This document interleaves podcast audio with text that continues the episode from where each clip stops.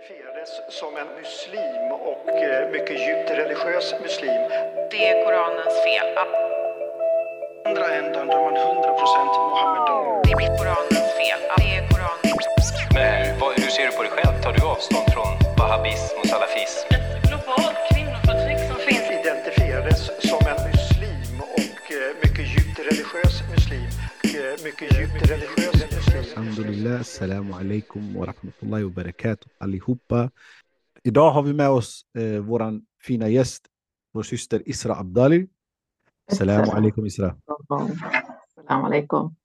Och välkommen till samtalet. Mashallah, vi har ett antal syskon som tittar. Alhamdulillah, folk har börjat droppa in. Eh, jätteglad att du kunde vara med och jätteglad att du vill vara med. Eh, och mashallah, jazakallah khair för allt fint arbete du också gör. Både privat och enskilt under alla dessa år, men också nu senast för jag ju med Muslimaid och är affilierad med dem, så du behöver inte ta avstånd från dem. Eh, alhamdulillah. Alhamdulillah. Barakallah fik. Nej, men tack för inbjudan, eh, Bror Amanj, och eh, tack för allt du gör. Du är en inspiration och en förebild. Må Allah belöna dig. Mashallah, ska vi sitta och bara prisa varandra? Så Ja, hela exakt. Bara nu, har vi, nu har vi gjort det. Så. Eh, Men om vi börjar, alltså de flesta känner ju dig mashallah, du har ju varit både offentligt uppmärksammad också, du fick ju något pris också för något år sedan, jag tror det var Aftonbladet, eh, eller hur? Eller Expressen? Nej, Aftonbladet var det va? Ja, Aftonbladet. Men om vi börjar bara Ja. berätta lite så här. Eh, berätta vem du är, hur du mår och vad du gör just nu. Ja, eh, hur jag mår kan jag börja med. Det, jag tror inte att någon kan säga att man mår riktigt eh, bra eh, på grund av allt som sker just nu i Reze framför allt då. Ehm, eh, och alltså vi, vi liksom livestreamar verkligen ett folkmord ehm, bara genom telefonerna. Det är helt, det är helt sjukt. Ehm, så att ingen normal människa kan nog må eh, ja, eh, bra fullt ut tror jag. Eh, men alhamdulillah för allting. Det är en prövning, inte bara för människorna där utan människor, eh, för, för oss allihopa. Eh, så alhamdulillah för allting. Eh, men jag är sjuksköterska eller distriktssköterska. Eh, jobbar, eh, har jobbat på vårdcentraler. Ehm, jobbar just nu som skolsköterska. Eller när jag inte är föräldraledig så jobbar jag som skolsköterska har sedan 2015 eh, kommit in i liksom välgörenhetsvärlden, eh, biståndsvärlden eh, om man säger så. Eh, efter det som, eh, ja, men efter flyktingvågen eh, i eh, grekiska öarna. Eh, där började allting för mig. Eh, egentligen så började det lite innan dess i mitt liv, om man säger så, när kriget i Syrien började. Eh, för jag har ju släkt där. Eh, vi kunde inte åka dit något mer. Och jag valde ju egentligen, som många andra, att stänga av den verkligheten. Jag vill inte veta något om kriget. Jag vill inte höra hur de mår. Fram tills det att min kusin Eh, hennes dotter dog och eh, lilla Rejan eh, på sju år och hon var min favorit. Så när hon dog blev det liksom en, en wake-up call för mig. Det, att det här hände på riktigt. Människor dör. Det kan påverka allihopa. Till och med min lilla Rejan. Och det var här som jag vaknade till och tänkte nej men jag måste göra någonting. Och då hamnade jag på ön Lesbos i Grekland eh, där jag hjälpte människor som eh, flydde krig. Eh, framförallt människor från Syrien men också från Afghanistan och andra delar av världen. Eh, men framförallt eh, människor som flydde kriget i Syrien. Och eh, sedan dess har det varit en del eh, av mitt liv, om man säger så, att eh, försöka hjälpa så gott jag kan. Eh. Inshallah, För jag, jag minns den här perioden, det var också då första gången jag hörde talas om ditt namn. Eh, när, I samband med, med just, eh, som du sa, Syrien, eh, den, den, det kriget, när kriget började där. Eh, och du var aktiv då fr- främst på då ön Lesbos. Du åkte aldrig ner till Syrien, eller hur? Du kunde inte... Du var Nej, men liksom, in, inte i början, men sen efter 2016 så släppte jag ju Grekland och valde att åka in till Syrien. Eh, för då tänkte jag sen, men nu, nu gör jag ingen nytta här och nu finns det många volontärer så jag behöver gå vidare. Så det jag gjorde var att jag tog mitt pick och pack, vilket jag absolut inte rekommenderar att man gör. Så eh, för liksom, folk som lyssnar så är det ingenting som jag skulle... Don't try this at home. Don't try this. Ja, alltså jag har gjort det, två dumma saker. Jag har kört utan körkort och jag har åkt in till kriget. Så människor försökte fly utifrån kriget. Jag åkte in. Nej, men jag hamnade tror jag i någon form av så här, jag eh, kunde inte lita på något. Eh, jag kunde knappt tro det jag eh, hörde. Men det som hände när jag var i, på Lesbos var att jag såg hur familjer flydde genom havet och eh, vi gjorde flera, eh, alltså människor drunknade ju. Vi fick ju göra återblivningsförsök, hjärt och lungräddning på jättemånga barn. Eh, och då blev det en liten då fick jag lite så här, då tänkte jag om verkligen människor flyr på det här sättet, då måste de ju fly från någonting ännu värre. De är så här, vi, om vi stannar kvar så kommer vi dö. Det här är vår enda chans att le, leva i princip. Ehm, för ingen förälder sätter sina barn i en liten gummibåt fylld med människor om man inte flyr från något som är värre. Ehm, och som sagt, det är jättesvårt att beskriva bilden på det man ser, men det är verkligen en liten gummibåt som vi gjort för kanske 9, 8, 9, max 12 pers. Och där det var över 50, 60, 70 pers i. Ehm, en gång så var det människor som hade drunknat i båten när den kom fram. De hade liksom hamnat längst ner, båten fylldes med vatten, de blev nedtrampade. Ehm, så att saker jag såg var helt absurda. Och det var det som gjorde Eh, att jag valde att gå, ta nästa steg och ta mig in till eh, Syrien. Eh, vilket absolut inte var enkelt. Eh, men eh, det var, för mig var det ett, eh, ett måste. Och det var där som jag, eh, jag kände att jag hade sovit och vaknade till liv där. Eh, för det man ser, så här, mycket av det jag ser just nu såg jag på riktigt med mina egna ögon i Syrien. Så mycket det jag ser, det som händer i Gaza till exempel har jag sett. Eh, människor, barn under rasmassor, bomber, när man hör flygplan. Eh, och jag måste ju ärligt talat säga att jag hade det privilegiet att jag kunde lämna, att jag faktiskt kom från Sverige, att jag kunde lämna och så vidare. Eh, Medan människor var fast där och inte hade någonstans att fly, utan levde under de här bomberna hela tiden. Eh, men det var här som hela allting eh, började för min del, att jag kände att nej, men jag måste göra vad jag kan eh, och jag vill starta olika projekt för Syrien och containerprojekt från Sverige och skicka dem till Syrien. Jag vill köpa mat, vatten och så vidare och skicka direkt in. Och det var extremt många som ville göra det här. Man bara väntade på på en liksom öppning eller på att någon skulle göra ett sånt här projekt. Så allt, allt arbete jag har gjort, jag säger det, det är inte jag, det, är liksom, det var alla människor som ville hjälpa de som behövde hjälp. Så jag har ju bara fungerat som ett litet verktyg emellan alla. Eh, och det var här som jag fick eh, eh, det här eh, hjältepriset i Aftonbladet, vilket jag absolut inte tycker att jag är värd. Jag tänker inte ens om att nämna det. Men eh, det var det där du kanske vi ska alltid nämna det. Mashallah, du förtjänar mer. Barakallah fiki. Men en sak som jag tänker på när du var ändå i kriget, eh, kriget Syrien på den tiden.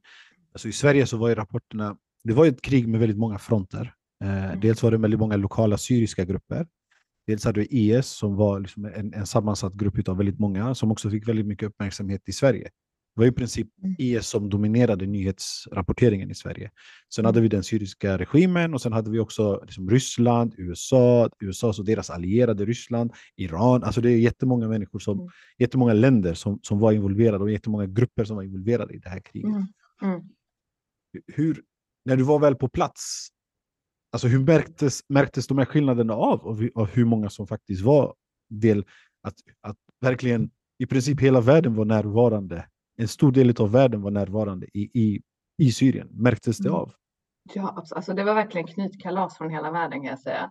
Eh, det var, alla skulle ha sin del av, av liksom buffén om man säger så. Och det var, eh, det var ett flygplan. De bara, ah, men det här är ryskt flygplan, sen det här är syriskt flygplan, den här bomben, då är det IS som har bombat, den här bomben, nej det här är eh, någon annan.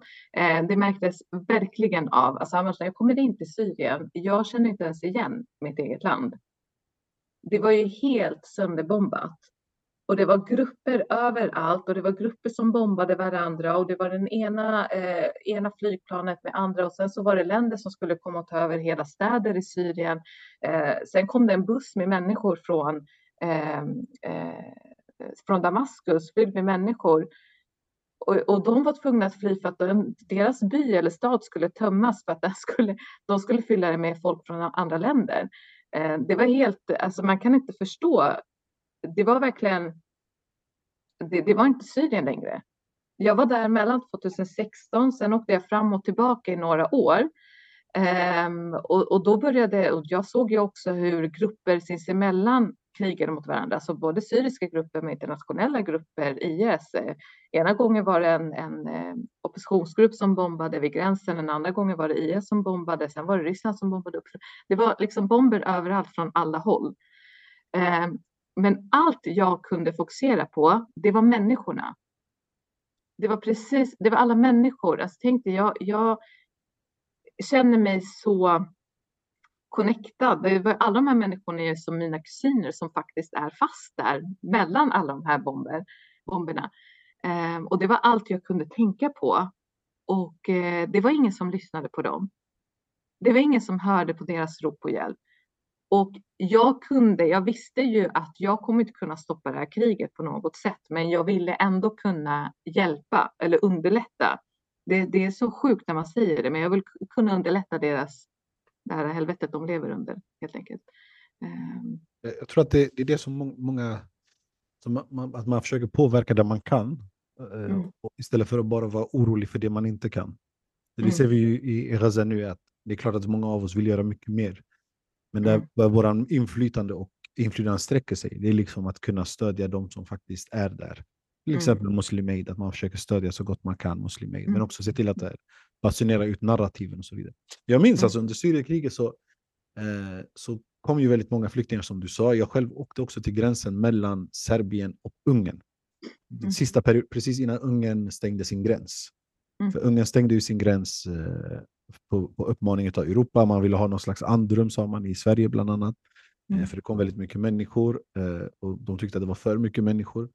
Eh, och jag minns att man, man hörde väldigt sjuka saker vid gränsen. Alltså, mm. Det som folk berättade och var med om. Vi hade ju faktiskt folk som dog också vid gränsen. Jag minns mm. till exempel, det kom ett gäng killar.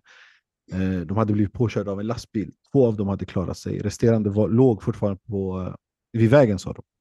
Mm. Så det mm. var, eh, och de kom helt blodiga och sen var, det, var vi tvungna att skicka folk dit så att de skulle försöka hitta dem. Det var människor som var gravida som födde barn i det här, eh, vid gränsen. Eh, det var många organisationer som försökte hjälpa till och, och så vidare. Så jag minns det var, det mm. var en kaotisk tid. Så jag kan bara tänka mig hur det var på Lesbos, men också i Syrien. Alltså mm. Alltså ett kaos. Mm. Om vi försöker koppla det här till mm. det globala tillståndet för muslimer någonstans. Eh, för att vi tenderar i Sverige, väldigt, i alla fall när vi pratar om islamofobi, och eh, alltså, hålla det väldigt lokalt. Men här ser vi ett väldigt, alltså ett tydligt, väldigt tydligt exempel som du berättar om hur muslimer just nu mår i världen. Alltså mm. just nu är det eh, kaotiskt och det muslimska livet värderas inte utan kan dödas urskillningslöst. Mm. Eh, det är flera hundratusen i, i Syrien som har dödats i det här kriget. Mm. Mm. Eh, nu är vi uppe i snart 25 000 i, i Gaza. Eh, räknar man också, och även nu i Västbanken läste jag idag att det, det bubblar väldigt eh, det bubblar just nu och folk mm. är folk är också, de, de, känner, de kallar det state of war. Att det är mm. någonstans är på gång någonting i Västbanken också, måla skydda dem. Men hur, hur, skulle du säga att de här erfarenheterna har påverkat din syn på muslimer i världen just nu? Alltså vilken mm. position och hur, hur ser du den, den, det som en politisk fråga om jag, skulle, om jag skulle koppla det till det på något sätt? Um, alltså jag tror att stor del, um, om jag pratar utifrån min egen uh, bild eller mitt eget synsätt, eh, då det som är frustrerande för mig i den här frågan, det är att eh, det handlar inte bara om eh, att, att folk, ehm, alltså att omvärlden ignorerar hur många tusen människor det är som har mördats. Det handlar om att man förnekar ett folkmord, att man förnekar att det här är människor som dör, att det här är, det här är okej. Det är fortfarande proportionerligt, det här är fortfarande okej, det är ett svar mot terrorismen. Eh, den biten är mycket tyngre än att man bara ska upplysa att människor dör och att folk bejakar det. Alltså förstår du skillnaden? För det jag försöker säga är att när jag pratade om människor som mördades i Syrien, då fick jag respons att ja, det här var verkligen människor som mördades. Oj, det var jättesynd om dem, verkligen. Och hela eh, majoriteten av min plattform, nu är inte jag någon liksom influencer, men de människor som följde mitt arbete har alltid varit vita människor. Tyvärr. Nu undrar jag vart alla de här människorna är. Varför, inte, varför reagerar de inte? Jag visar ju fortfarande att det är människor som mördas. Eller hur? Men det, den här extrema förnekelsen om att det här verkligen är människor som dödas och det är inte okej. Okay, den tror jag har satt, den biten har traumatiserat oss på något sätt. Som är, som är liksom, eh, är inte i kriget just nu där borta att vi inte har ett värde, att, vi, eh, att det är okej att mörda oss, att människor inte reagerar, att, att de kan göra vad de vill med oss som muslimer. Jag säger oss för att vi är en del av Gaza, så vi alla är Gaza just nu. Um, och det här är det här är något som bara växer och växer. Och jag tror att i all den här trauman och frustrationen och hatet som vi kanske upplever just nu behöver vi kunna sätta ord. Att hur kommer det sig att, det, att vi är här nu? Hur kommer det sig? Jo, för att de har totalt avhumaniserat oss. Totalt. Människor i Gaza har inget värde och det är just därför det är okej att mörda på det här sättet.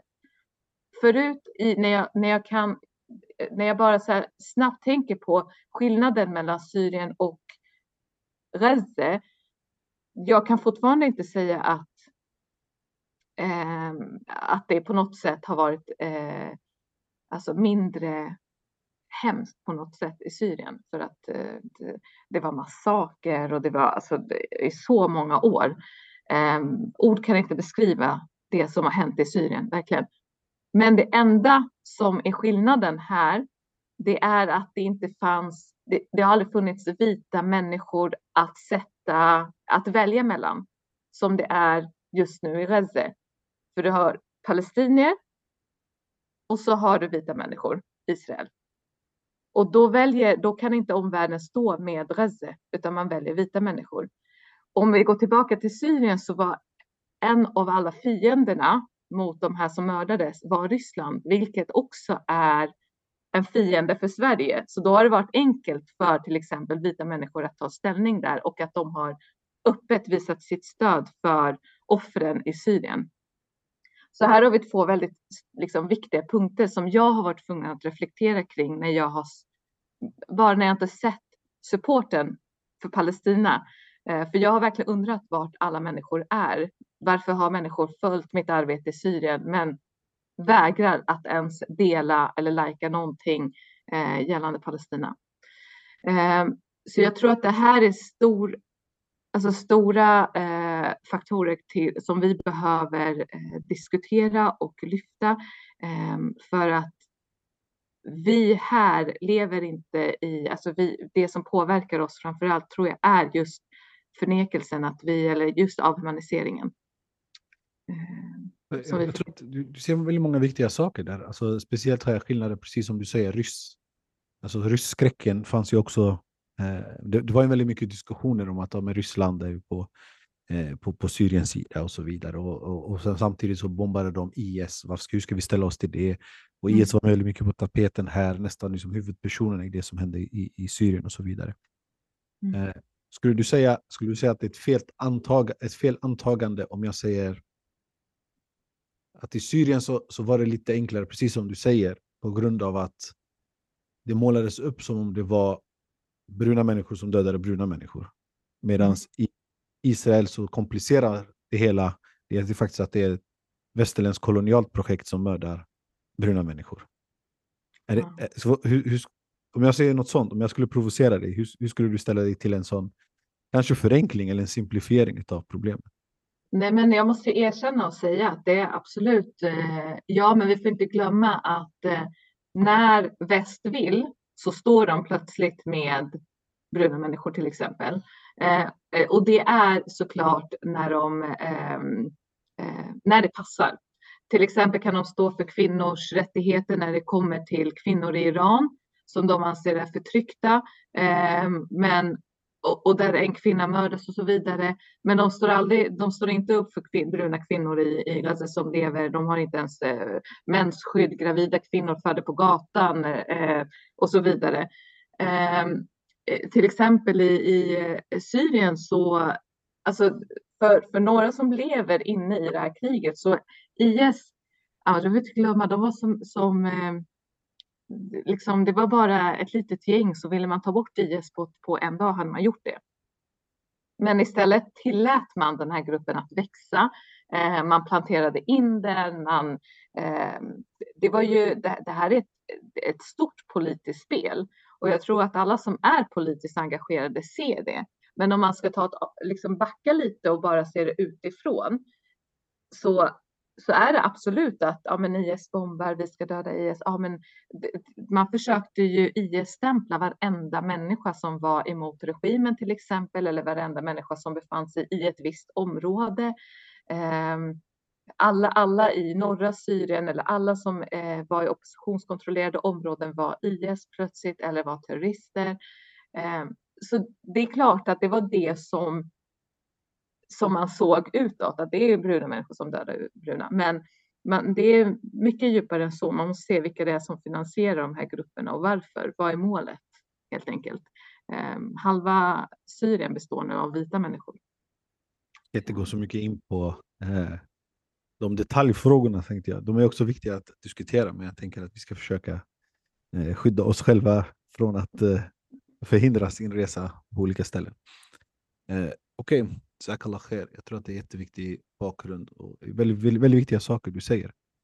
Du har varit i biståndssektorn nu då, sedan 2015 sa du det är ungefär då någonstans du hoppar in och 2016 så är du på ön Lesbos och åker också till Syrien samma år, eller? 16 var det? Ja? Mm.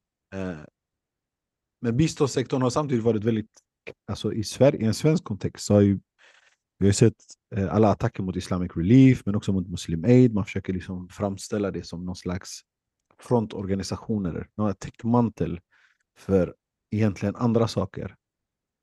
Hur skulle du säga att islamofobi påverkar det arbete som, som faktiskt den muslimska bistånds, biståndssektorn behöver just nu? Eh, hur påverkar islamofobi och villkorar? Hur diskuteras det? Jag vet till exempel att man har haft svårt med banker. Det är liksom en sak som, som, som har återkommande varit svårt för muslimska föreningar generellt. Eh, men jag tänker för biståndssektorn som ändå omsätter så väldigt mycket pengar. Mm. Eh, Mashallah, muslimer är ju väldigt generösa. Får du avslöja ungefär hur mycket muslimer har donerat i år till Muslim Aid? Eller är det? Eh, nej, jag har faktiskt inte summan än, men vår ekonom eh, sitter och jobbar med det just nu. Så jag hoppas att vi kan få någon form av summa. Men det är ju några, det är, det är alltså flera miljoner, absolut. Eh, Jag, jag minns att det var någon som sa till mig förra året, så hade, jag vet inte om det var Islamic Relief eller Muslim Aid, men runt 19 miljoner förra året var en av organisationerna. Bara i eh, Sverige. Vet du, jag vågar inte säga om det var vi eller Islamic Relief. Jag vet att vi inte samlar in lika mycket, men eh, eh, alhamdulillah, vi samlar mycket. Och eh, vi försöker alltid vara transparenta med vårt jobb. Eh, jag, tyvärr vet jag inte hela, liksom, hur mycket vi har. Det är Qais som är vår insamlingschef och eh, Bror Mehmet som är vår chef som har koll på de siffrorna. Så jag hoppas att de, de ska du fråga definitivt. Vi ska, eh, men inte gå in på de detaljerna. Men om vi, om Nej. vi pratar med allmänt, Jag, jag, vet, jag, hade, jag hade eh, sagt om jag visste Olla, för att det är ingenting som, som vi gömmer. Och vi försöker alltid också säga att nu har vi samlat in så här mycket och vi gör det här projektet direkt. Nice. Men om jag ska gå tillbaka till hur det har påverkats med bankerna. Jag eh, startade min egen organisation i samband med eh, eh, resorna till Syrien. Stand with Syria hette min organisation och där fokuset verkligen var för det första så försökte när jag började med att vilja skicka hjälp och så vidare. Då ringde ju banken mig och sa vad är det som händer i ditt konto? Du får väldigt mycket pengar in på ditt konto. Och då sa jag, ja men eh, jag håller på att göra projekt för Syrien, utan jag, jag köper mat för de här pengarna och skickar in.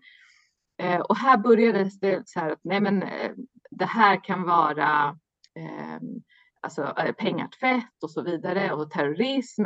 Och då satt jag där på, med, med liksom, eh, på banken med massa vita människor och bara vänta lite. Ni kan för det första inte stoppa mig att göra insamling för välgörenhetsändamål och för det andra sitter ni och lägger upp det här med terrorism och pengatvätt i mitt ansikte för att jag ser ut som jag gör eller? Ehm, och de bara nej, nej, nej. Och så liksom fortsätter jag och jag, alltså, de ska inte gå undan med det här. Det, det här är stort. Jag bara, nej men säg till mig nu, vad är ert problem? Och när de såg att jag verkligen var så här jätte på, då var de så här, nej men Issa, vi ska hjälpa dig att starta en, ett bankkonto för att hjälpa. Du behöver starta en stiftelse. Och sen så fick jag hjälp av olika människor i mitt liv och eh, olika människor som kom in i mitt liv som ville hjälpa. Alltså engagemanget, 2015, 2016 det var så brutalt. Och banken var så här, vi ska stötta, vi ska hjälpa, vi ser, de kollar ju såklart att man har att man är trovärdig. De såg mitt arbete, de såg att jag hade rötter där, de såg att jag fattade området. Ehm, det var detaljer kring hur mycket Eh, vi köpte och vartifrån vi köpte saker och ting, hur vi skickade container från Sverige dit. Och jag kan säga så här att jag visste ingenting om det här kan jag lova dig. Jag visste inte någonting om det här. Jag tog reda på fakta sakta men säkert. Eh, men jag fick också hjälp av många runt omkring. Eh, så alhamdulillah, det blev stort och eh, för att bara på några månader så kom det in några hundratusen kronor på mitt konto, eller ett år kanske, Eh, in, innan, inom ett år så var jag tvungen att starta ehm, Eh, en organisation. Men då visade jag också tydligt att jag visar både för mina givare och för, eh, för er här att för varje krona, det är ett helt tomt konto, för varje krona så köper jag här genom ett kvitto liksom. Och de var imponerade över liksom hur eh, ja, men hur mycket kontroll vi hade, vad vi gjorde och att allting var så organiserat. Så de pushade med att starta en organisation väldigt mycket. Men vad hände sen? Plötsligt efter några år och när jag, eh, liksom, vi fortsätter ha kontinuerlig eh, kommunikation med banken, vi har väldigt bra, vi har revisor, du vet man har allt det där. Eh, då plötsligt så blir det en issue att man jobbar i Syrien. Och de börjar lägga ner flera organisationer i Europa som arbetar mot Syrien. Och den ena organisationen efter den andra läggs ner på grund av samma problem, banken. Så det är inte liksom organisationsproblem, det är inte eh, att man har problem med staten och så vidare, utan det är banken som läggs ner. Och här börjar vi förstå att bankerna har en, eh, ett avtal helt enkelt. Ehm, och de kan göra vad de vill här, det här är sanktionsland, det, här är, det är sanktioner och det är, du vet, de, de kan använda vilka ord som vill. Ah, det, det är otydligt vad ni gör eh, och så vidare. Men allt handlar om att det är överenskommelser mellan länder att vi ska stoppa hjälpen som går in till Syrien. Eh, till specifika områden. Eh, och vår organisation är kvar. Och frågan här är varför vilket vi har förstått efterhand att det var så många, det var väldigt liksom, det var uppe på tapetet mycket om Stand with Syria och vi jobbade ehm, eh, det var liksom människor från hela landet som följde det här arbetet och det var mycket i media och så vidare. Så det hade blivit en grej om de hade lagt ner kontot snabbt. Men de väljer att göra det sakta men säkert och ganska mycket i slutet, en av de absolut sista organisationerna som blev av med sitt konto var vi. Och människor som jobbar i banken har själv uttryckt att, att det finns inget, vi har ingenting, utan vi måste bara lägga ner ditt konto, för så är liksom, vi, vi har ingenting, men vi måste. Och, och bara ursäkta, stannar, om vi stannar, stannar här lite, för att eh, det, det är väldigt många muslimska organisationer som också har hört av sig till mig, men nu har vi Mm. också faktiskt eh, senare år sett att individer också blir drabbade av just det här med banken. Ja. Alltså, vi har sett individer som har blivit av eller blivit förhindrade att öppna ett konto eller eh, blivit av med sitt konto. Eh, och så kom det ut, jag tror det var Aftonbladet eller så var det Expressen, de avslöjade att det Säpo har en lista som de kallar Red X-listan. Mm. Den här Red X-listan då så finns det individer som är kopplade till olika organisationer eller som man på olika sätt anser är, alltså det är egentligen en åsiktsregistrering. Det är, det är, det är ett register med muslimer som man har bedömt vara islamister. Och Den här Red X-listan då eh, är- till för det. Så jag vet att det är många muslimska organisationer, även skolan, jag vet att Drömosseskolan bland annat för många år sedan, eh, Ja. de, de var, för några år sedan så ville de, eh, de blev av med sitt konto i en bank, så ville de öppna i en annan bank. Och då var det samma sak där, att tyvärr vi kan Mm. inte hjälpa det. Och då sa banken, om inte jag minns fel, det kanske inte var Drömosseskolan, det kanske var någon annan organisation, men då var det banken hänvisade till Finansinspektionen. Var det Mm. samma sak i ert fall? Att det var Finansinspektionen som gick in? Eller var det bara banken som sa... Alltså vem hänvisade banken till för att stänga? De hänvisar precis, de hänvisar mycket till dem. De hänvisar också bara till att vi behöver vara fria, alltså vi behöver ha våra ryggar fria till att ingenting eh, går till att supporta terrorism. Eh, det är deras svar och då säger jag, hur kan vi supporta terrorism när vi har gjort exakt samma sak nu i flera år och ni har tyckt att det här har varit väldigt bra arbete. När vi till exempel skickar kläder, när vi till exempel skickar mat, vatten. Då säger de, alltså ursäkten till slut var att de inte kunde tracka den här vattenflaskan eller den här leksaken inne i Syrien. Ehm, för att, så då kunde de inte hålla ryggen fri från att det var, eh, fanns en risk till att det, det ja, supportar terrorism helt enkelt. Men den här dokumentationen som ni visade, de, Ja. de, de värderar Den var väldigt bra. Den var väldigt bra och helt perfekt och topp och allt det där, där fram tills bara sådär, nej, plötsligt. Ehm, och eh, sen så har de ju, de har ju superkoll på mig. Alltså om jag ska vara helt ärlig, innan jag åkte till Syrien, alltså jag ringde Säpo, alltså jag visste verkligen ingenting om det här. Jag var så här, hej, är det olagligt att åka till Syrien nu under kriget? De bara, nej, alltså det som är olagligt är att joina en terroristgrupp. Eh, och jag bara, ha no shit. liksom. Bra att ni sa det. Eh, så att de, de har koll på vad man gör. Det är inte så att man inte, att det inte, och allt är dokumenterat, till och med familjelistorna finns, tänk dig. Alltså jag, jag har alltid sagt att jag vill inte ta in miljoner, utan hellre att jag tar in 100 000 kronor och jag kan visa vad det är jag gör med de här. Alltså i taget, nu har jag 100 000 kronor, nu ska vi köpa matpaket för dem, vi ska dela ut dem till de här eh, 50 familjerna i en månad eller whatever. Mm. Ehm, det är ett projekt för mig. Ja, vi avslutar det projektet, vi går in på ett nytt projekt. Ehm, men plötsligt så var, kunde de inte liksom följa de här uh, matpaketerna och det var ett problem om de stängde. Och det här återigen, återigen så är det ett politiskt spel. Det handlar inte om ehm, individer, det handlar om support till en viss handling i ett visst område. Det är inte människor, de ser inte de här som människor. De, är så här, de har inget värde så du kan ta bort det. Jag kan göra exakt samma sak i ett annat land som är okejat för det här och då framförallt det vita människor. Inga problem. Inga problem alls. Inga problem. Men det handlar om att man totalt vill stänga eh, all, all hjälp eh, som kommer in dit. Man vill strypa det, man vill, man vill liksom gå tillbaka till att vara människor svälter, eh, total fattigdom och så vidare. Så att allting kan kontrolleras av en och samma makt och så vidare. Men, men ja, så att de här människor som svälter på gatan eller som inte har någonstans att bo och som dör och så vidare, de, återigen, de har inget värde. Men alhamdulillah, vi har gett, jättemycket jobb och eh, jag kan bara ta in det här med Muslimid, att, att Muslimid eh, Eh, det är en organisation som faktiskt inte är kopplad till eh, liksom huvudmuslimid i, i UK som du refererade till för en stund sedan. Eh, och det är en liten organisation med, vi är liksom få som jobbar som har supportat det här lilla Stand with Syria i många år. Så jag har ju känt teamet här väldigt, väldigt eh, länge, alhamdulillah. Och vi har gjort ett fantastiskt projekt inne i Syrien, lekparksprojekt till exempel, som är en av de största lekparkerna inne i Syrien, alhamdulillah.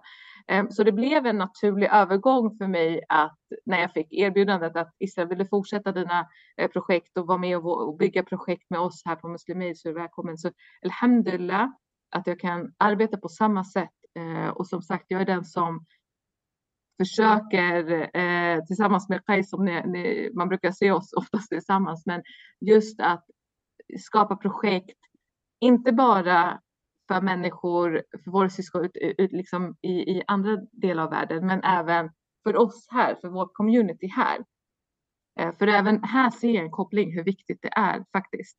Ehm, så för mig i slutändan är så här, mitt mål är kanske 500 matpaket hit, ehm, fem eh, vatten, eller eh, vattenlastbilar och så vidare. Men vi måste också ha något som är kontinuerligt och något som mer stöd, stöttar eh, familjerna att kunna göra, eh, supporta sig själva också.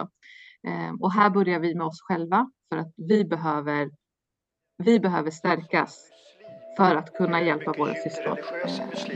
Verkligen. Vi kommer in på det, jag tänker också i slutet. Andra ändan där man 100% Mohammedan. Det är Koranens fel. Det är Koranens Men hur, vad, hur ser du på dig själv? Tar du avstånd från wahhabism och salafism? Eh, Jag, jag, vill, jag vill eh, fortsätta lite på det här finansinspektionsspåret. För att ny- nyligen så kom eh, Finansinspektionens eh, generaldirektör, tror jag det var, hon skrev i någon tidning en debattartikel där hon eh, slog bankerna på fingrarna och sa att ni kan inte hänvisa till oss. Människor har rätt att öppna konton och så vidare. Ni kan inte hänvisa till oss här slentrianmässigt. Mm. Men Hur, hur, hur, Mm.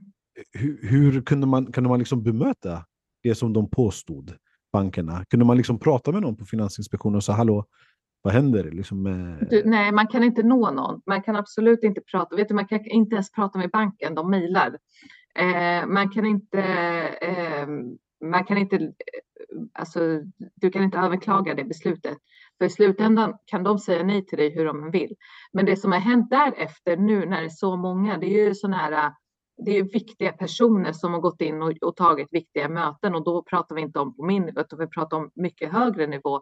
Och däribland är till exempel Mehmet Kaplan som förklarar att när ni stänger ner konton så gör ni ju inte någonting bra för organisationer som faktiskt vill hjälpa, utan ni kommer ju göra så att människor går och väljer andra alternativ. Vi måste hitta en lösning. Det är hur viktigt som helst att hitta en lösning. De, alltså, människor som privatpersoner som till exempel inte får ett bankkonto, de kommer hitta ett annat alternativ att eh, hålla sina pengar på.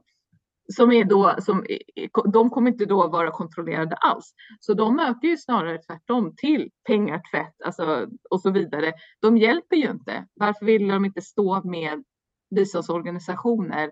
Varför vill de inte underlätta för oss att jobba? Eh, men eh, det handlar annars om vart vi gör, vart vi jobbar. Det handlar om vilka människor vi hjälper. Alltså Jag hur kan... Pratar ni med andra liksom, vär- biståndsorganisationer? Till exempel Ja. biståndsorganisationer som är aktiva i, jag tänker i Ukraina nu.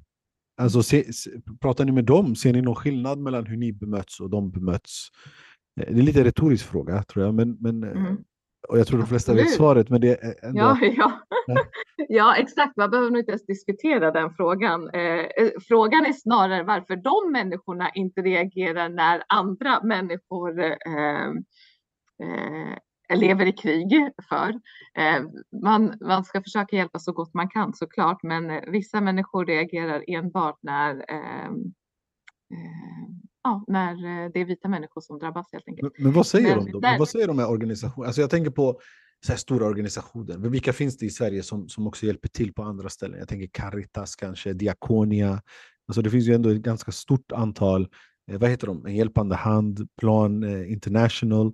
Så det finns ju ett antal stora organisationer i Sverige som också är aktiva, bland annat nu också i Gaza vet jag. De gör- gör insamlingar, vissa av dem för Gaza, Mm. har också varit aktiva i Syrien.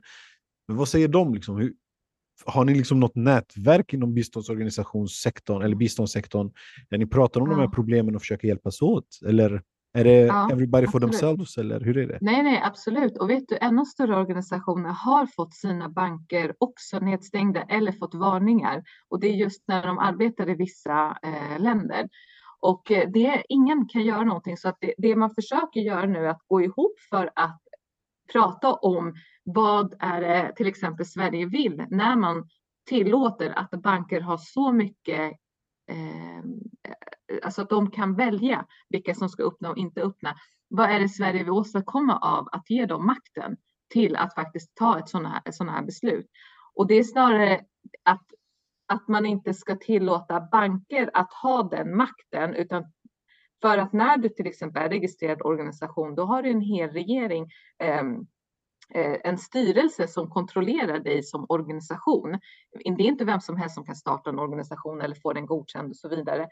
Eh, du har ju en hel, det är en hel styrelse som sitter och kontrollerar dig i staten, från staten. Så varför är inte det tillräckligt? Varför ger man då banken den makten att kunna ge, alltså bestämma om man ska få bankkonto eller inte? Eh, och det är där man är just nu. Man försöker diskutera det. Eh, för att det är inte så att det är en organisation som tillåts jobba öppet i ett ställe men inte en annan. Det handlar återigen om områden och länder som man jobbar i. Så att du vet redan att det, det, är inte ens en diskussion. Det är aldrig ett problem att jobba i till exempel Ukraina eller stötta de människorna. Um, men det är ett problem att jobba i till exempel eh, Gaza, Somalia, eh, Syrien och så vidare. Det är, det är så vi, vi har det just nu. Och ska du säga till mig, ja, ministra, eh, lyssna bara på dem, jobba inte, hjälp inte människor i till exempel Somalia, hjälp inte människor i Syrien, hjälp inte människor i Gaza. Det är klart att jag kommer säga, men vad är meningen med hela arbetet? Så att det här är en uppmaning för oss också att inte sluta kämpa, eh, att faktiskt organisera oss. Hur viktigt är det inte med organisering? Alltså det är så extremt viktigt att vi muslimer organiserar oss och vågar sätta ord på saker och ting och vågar prata om det. Vissa vet inte ens vad islamofobi är. Vissa kan inte ens se att det här är på grund av islamofobi. Vissa kan inte ens förstå att vi lever i sånt förtryckande land, eh, tyvärr. Och det är, därför är det viktigt att prata om det och nämna det. Och, och oftast, eh, min erfarenhet är också att eh, så brukar man alltid säga, men vadå? Men du får ju gå i skolan gratis här, du har en porslintoalett hemma som du kan sitta på Mm. eh, och så vidare. Eh, och liksom eh, försöker att hela tiden rationalisera bort och sätta ord på. Jag hade faktiskt en föreläsning eh, eh, Isra för några veckor sedan, någon vecka sedan. Eh, Kais var också där i Uddevalla. Och då var jag, fick jag en fråga just om det här med om islamofobi. Eh, och jag pratade om det och så fick jag en fråga baserat på det. Och så sa jag, alltså det, är en, det är inte en individuell fråga, det är en kollektiv fråga. Och jag ser, alltså en sak som jag ser nu i Gaza, alltså som händer, är att vi har förstått att det inte är enskilda palestiniers liv som det handlar om här, utan det är ett kollektivt politiskt problem som vi måste Mm. fokusera på. Därför måste vi ha en kollektiv lösning och det är därför vi mobiliserar på en kollektiv nivå. Så vi har förstått det som en politi politisk fråga. Jag tror den största, den största bristen för muslimer, den största absolut allvarligaste problemet vi har i Sverige, det är att islamofober har förstått islamofobi vara en politiskt viktig fråga. Det är därför de använder den och är så, så pass effektiva i det. Men muslimer vägrar erkänna den eller någonstans öppet kollektivt mobilisera kring den som en viktig politisk fråga. Vi, har liksom, vi, vi ser det fortfarande som någon slags da'wa-fråga, att det, enskild, det handlar om enskilda personer som kanske på gatan ser fula saker och, och så vidare. Så när jag i Uddevalla föreläste då, så, så försökte jag liksom framföra det här. Och då, och då kändes det, när jag kollade runt i rummet, så var det liksom, ansiktena var inte riktigt med mig, kände jag. Så jag ställde frågan, om ni allihopa är ärliga med mig nu. Eh, och det var liksom ett hundratal människor där inne. Ja, kanske runt 100-150. Hur många vill göra hijra från Sverige just nu? Så nästan alla räckte upp handen. Mm. Trots att man vill lämna sitt hem, trots att man vill lämna den platsen man är på för man inte längre trivs, man känner inte längre att man har inflytande, kan inte Mm. påverka den situationen, att det går åt fel håll och allt det där, så kopplar man fortfarande inte det till islamofobi. Mm. Mm. Jag tror det är jätteallvarligt för, för vår politiska framtid. Det är väldigt många som säger bror, men det, hijra liksom, det finns ingenting här mer att göra, man kan kanske inte vara muslim här längre. Mm. Och sen har vi personer som dig som ändå sett liksom hur det är i Syrien, hur det är i Gaza. Hur det, alltså, Mm. det, det, det här är inget enskilt problem. Du kan rädda dig själv och din familj om du kanske gör hijra härifrån. Allahu Mm. alam. Det är inte så att eh, saker och ting blir, eh, är alltid bättre någon annanstans heller. Mm. Eh, men det, det löser sig inte på någon kollektiv nivå. Alltså, tänk, tänk, om, tänk om de i Gaza tänkte samma sak. Tänk om det inte fanns kvar någon i Gaza. Mm. Alla bara tänkte på sig själva och sa men nu ska vi flytta härifrån enskilt. Men vi Mm. ser ju nu, vi inspireras ju av dem, att de säger nej men vi kommer stanna kvar här. För om vi sticker Mm. Mm. så, så har vi förlorat. Och det är Mm. så folk har börjat se på den frågan i Gaza för länge sedan egentligen. Bland Mm. Gaza. Mm. Men vad skulle du säga? lite- Ja, förlåt. Ja. Nej, nej, kör, kör.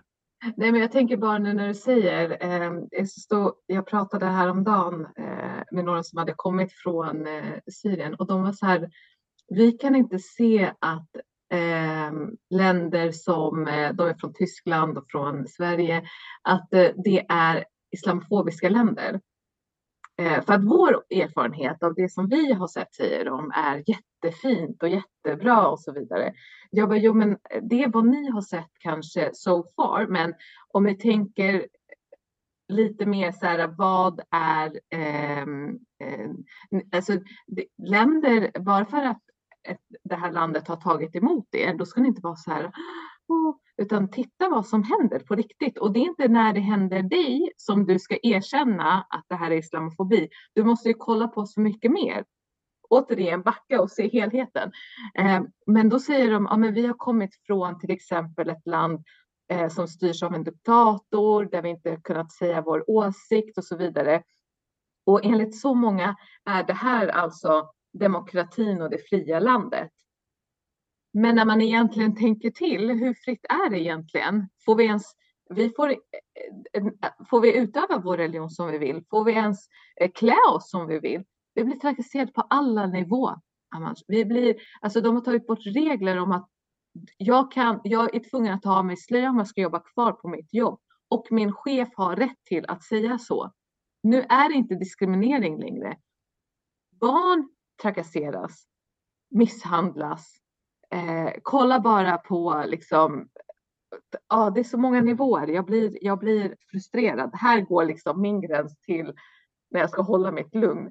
Eh, jag kan prata om krig och så vidare, men när jag inte, när jag, jag blir så frustrerad när människor inte ser nivån av islamofobin och den falska demokratin vi lever i. Att man säger människors rättigheter, människors lika värde, eh, du får leva, du får ha vilken etnicitet, religion, eh, sexualitet och så vidare, den du vill. Men sen när det kommer till att en muslim ska leva enligt islam, då är du plötsligt, då, heter, då, är, det, då är det det här fina ordet islamist. Är jag islamist, som Valley säger från Malmö, Valley Ghanem, ja, jag är islamist, säger hon. Om jag, om jag utövar min religion, om jag tror på Gud, om jag, varför, då, låt oss alla börja säga att ja, det är vi. Vi är stolta muslimer. Vi ska inte böja oss. Det är hela tiden den här att vi böjer oss. Vi ska vara de bra. Vi ska vara snälla. Vi ska inte höja vår röst. Eh, eller som när Maria Ferres blev attackerad i, i, på tunnelbanan Eh, för ett tag sedan. Och hon blir, får liksom, där många muslimer säger varför skriker du mot dem? Du ska bara vara tyst, du ska visa god akhlaq och så vidare. Alltså förstår du vilken, ja, när jag har varit ute på, eh, på tv säger de varför har du inte niqab, varför är du inte, eh, varför syns du och så vidare. Alltså vi attackerar varandra istället för att se vad det är vi lever i för problem. Alltså förstår du, vi, vi, vi vill skylla på oss själva snarare än att vi ska erkänna att vi lever i ett islamofobiskt land. Att ah, men om du har problem med det här så ska du vara hemma. Jag ska inte vara hemma bara för att det är någon som inte vill ans. Jag har rätt till min slöja. Jag ska gå ut så här. Ehm, så, så vi måste lära oss att höja våra röster, att, att stå rakryggade och sluta med det här att vi liksom böjer oss för en vit makt helt enkelt. Jag tror, jag tror att det är jätteviktigt att vi, vi det är därför jag tror att det är, jag är hoppfull, alltså jag tror att det är väldigt mycket som händer just nu som gör så att folk eh, börjar sätta ord på det de är med om och vågar erkänna det. Det finns också någon slags machokultur där man kanske inte vill riktigt erkänna att man är ett offer helt enkelt. Man, man, ser det, man, man pratar om offerkofta, men alltså ett offer är, om jag till exempel, som Kitimbo brukar säga, alltså om jag om jag tjuvar någonting från dig så är du ett offer för den stölden. Vare sig, alltså det betyder inte att du är ledsen eller deprimerad eller tycker synd om dig själv, utan det bara beskriver en handling som har gjorts mot dig. Att du har blivit det på grund av den handlingen. Eh, och jag tror att det är fler som börjar vakna upp till den verkligheten och sätta ord på det. För att om vi inte sätter ord på det som vi är med om, så kommer det också, eh, då kommer vi liksom inte kunna mobilisera mot det. Men jag, men jag ser en, mer, en tendens till att faktiskt folk börjar adressera de här sakerna. Men det är så viktigt, vi måste, vi måste, för jag tänkte också alla de här som samtidigt ser att vi lever i ett mer islamofobiskt eh, samhälle och då också väljer att ta avstånd från eh, sin religion. Vi har ett jättestort problem med det och på olika sätt, oavsett om det är att man inte eh, vill be på arbetsplatsen eller att man inte orkar bära slöja på grund av alla attacker. Eller, alltså man, man tvingas in till att man liksom tar avstånd. Vi måste stärka oss i vår tro, i vår akida, för att kunna stå emot, för att veta våra rättigheter. Och här återigen, som jag alltid brukar säga, det är så viktigt att vi organiserar oss, att vi har till exempel en plattform med eh, jurister, att vi har våra plattformar där vi kan faktiskt ta hjälp och stöd för att kunna komma framåt. För jag tror, hur mycket, hur mycket vi än pratar om det, om inte vi visar verkligen på riktigt vad vi går ut på och vad, vad det är vi vill, då kommer vi inte uppnå något. Alltså vi kan sitta och prata hur mycket som helst, men vi måste också agera genom att visa att vi har våra rättigheter. Eh, vi måste anmäla, vi måste visa, men jag tror att vi kommer inte vara, vi behöver enas i början för att förstå, för att vi ska komma någonstans. Och återigen tror jag att ditt arbete också både i Syrien och i, i Gaza alltså visar återigen hur man skulle kunna tänka här. Även när det gäller islamofobin i Sverige. Alltså vi ser nu i Gaza så människor från så många olika positioner, alltså från olika perspektiv. Det är liksom inte bara, dels är det inte bara muslimer, men sen också är det väldigt så här, det är inte ens relevant vilken typ av muslim just nu, utan alla, alla som, som backar upp sig, och det här är ett problem, vi behöver göra någonting mm. åt det, kollektivt mobilisera kring det. Och samma mm. sak i Syrien, där, där vi sa samma sak. Alltså nu, nu gick vi ihop och vi sa, lyssna, det är folk som flyr från härifrån. Och så helt mm. plötsligt hade du på tågstationerna alla slags människor som hjälpte till. Mm. Mm. Jag tror att från det kan vi inspireras till att vi också kan mobilisera mot islamofobi. Att mm. sluta acceptera det när det drabbar någon annan som jag kanske inte tycker om eller håller med. Utan att faktiskt se det som det politiska problem det är. Eh, när, när, till exempel eh, de skriver en rapport som pekar ut människor som Muslimska brödraskapet. Bara för jag inte tillhör de här organisationerna så är jag tyst. Och sen när de mm. pekar ut de shia-muslimska organisationerna så är jag tyst för jag är inte shia-muslim. Mm. Och så pekar de ut några som salafister så, så reagerar inte jag för jag tillhör inte de organisationerna. Mm. Och så mm. vidare. Alltså en och en så attackerar de oss och vi bara som, eh, ser det som att det är, det är ett problem för dem. Om vi är tysta så kommer det inte drabba oss någonstans. Ja, jag tror ja. att vi ska inspireras av det som händer i Gaza.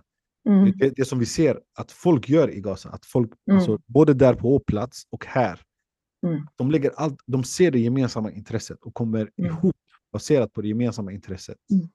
Eh, och angriper problem baserat på det gemensamma eh, intresset. Mm. Och sen från olika håll och perspektiv och uh, whatever, men att de gör i alla mm. fall någonting åt saken så gott de kan utifrån den position de har helt enkelt. Utan att prata om att du är si och jag är så och jag är så och du är si. Liksom. Det, det blir liksom så sekundärt i det här. Men jag, jag, tänker också hur viktigt, det är, hur viktigt det har varit under just det här, nu, under den här tiden nu. Och eh, när man har avslöjat ockupationsstaten, när man har avslöjat allt som sker och allt som har pågått i Palestina i så många år. Hur många det är som har förstått att det faktiskt grundar sig i sionism, eh, sionism, eh, islamofobi och hur många människor, inte bara Eh, alltså bland muslimerna, men också eh, icke-muslimer icke och vita människor framför allt, ehm, icke-muslimer, att det faktiskt sprider sig. Eh, kunskap sprider sig när vi står stabila och starka till en enad sak. Då sprider det sig. Hade inte så många pratat om samma sak så hade vi inte nått den här nivån av människor. De har totalt förlorat mediamakt, eh, mediekampen till exempel på, eh, på grund av att vi är så enade och, och står stabilt gällande den frågan.